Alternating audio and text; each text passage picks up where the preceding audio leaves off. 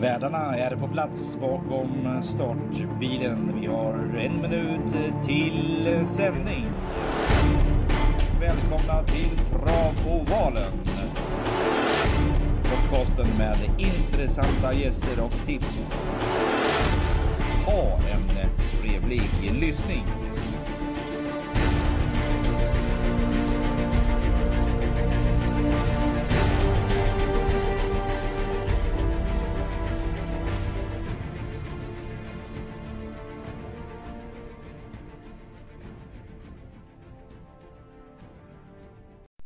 Ja, då är det onsdag igen och denna vecka så blir det ett kort avsnitt där jag själv eh, står för ensam mick kan man väl säga. Eh, min kollega, det blev en konstig nattning där så att eh, med eh, småbarn, så att, eller småbarnet. Så då vart det helt enkelt så att jag eh, som ska på jobb imorgon också måste försöka komma hyfsat tid i säng.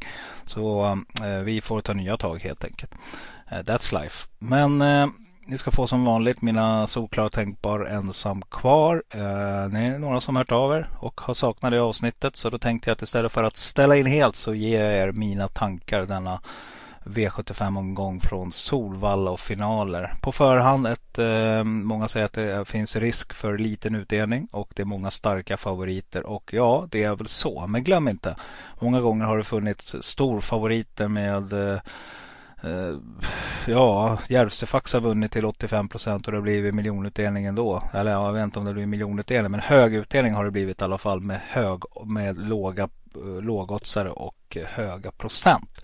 Så att eh, vi ska inte misströsta utan jag tycker helt enkelt att vi, vi laddar för att skapa, skapa en, en härlig julpeng eh, till eh, eh ja, snart är det jul. Det är första advent faktiskt nu till helgen. Eh, för övrigt så eh, livet rullar på, livet går vidare. Vi eh, kämpar på här. Eh, glöm inte att gå in och eh, tyck till om podden om du tycker att den är okej. Okay. Det vore jättetrevligt, kul. Det är liksom som vi har sagt betalningen för det vi lägger ner. Då. Eh, så att gå in på iTunes eller vilken plattform ni än använder och ja, helt enkelt gilla läget om ni tycker att det är bra. Men nu ska ni få loppen. Ska inte hålla er på halster. V757, där blir min solklara nummer ett i Klein. Jag tror att det passar hästen bra att ligga på innespår. Hästen kommer få bättre kurvtagning och då blir han farlig. 17 procent. Min eh, tänkbara, det blir nummer 9 Global Crusader, Henrik Svensson faktiskt. Jag tror att det kommer bli en ruggig körning i det här loppet och då straffar vi ut 3-4. Vi måste fälla några favoriter. Eh, är det någon av de favoriterna av 3-4 ni ska gå på så tycker jag nog ändå att det är nummer fyra Pure Muscle med Örjan Kihlström. Det här är ju Liljendals eh, rackarrökare.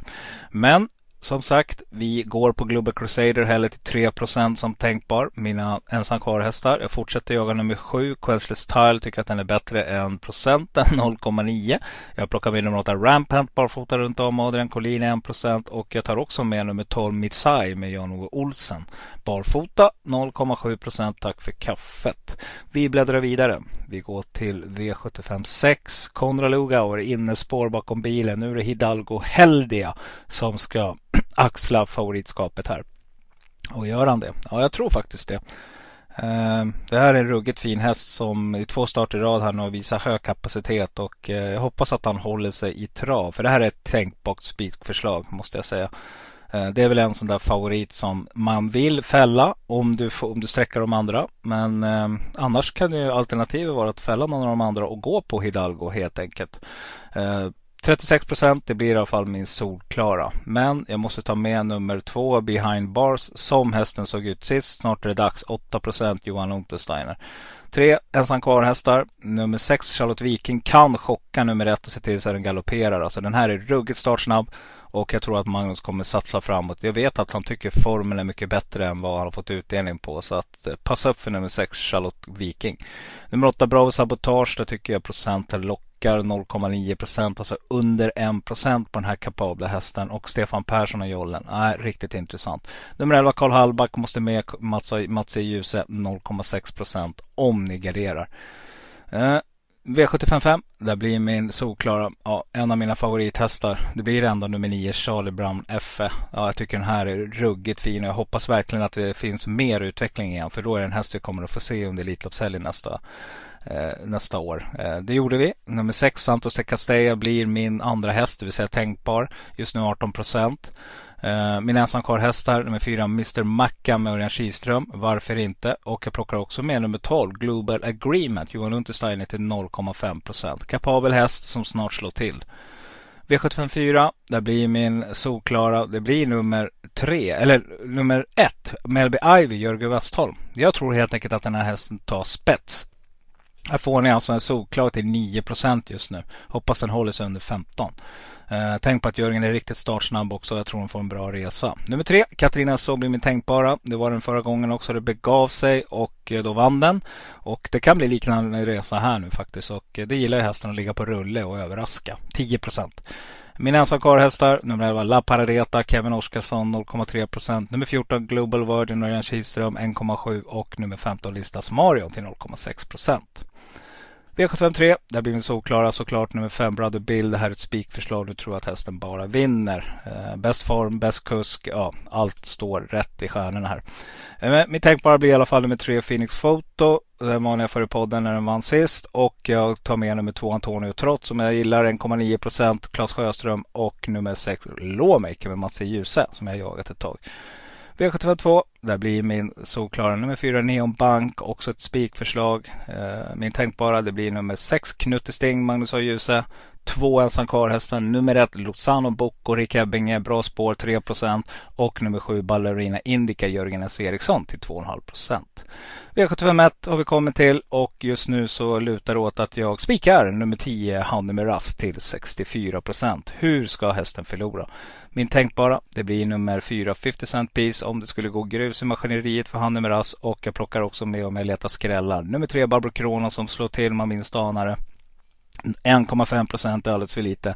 Nummer 5 Racing Brodda, en av mina favorithästar, Rikard Skoglund 3 procent. Och nummer 7 Des Daffodil, barfota runt om, Konrad 0,3 procent. Det vore något.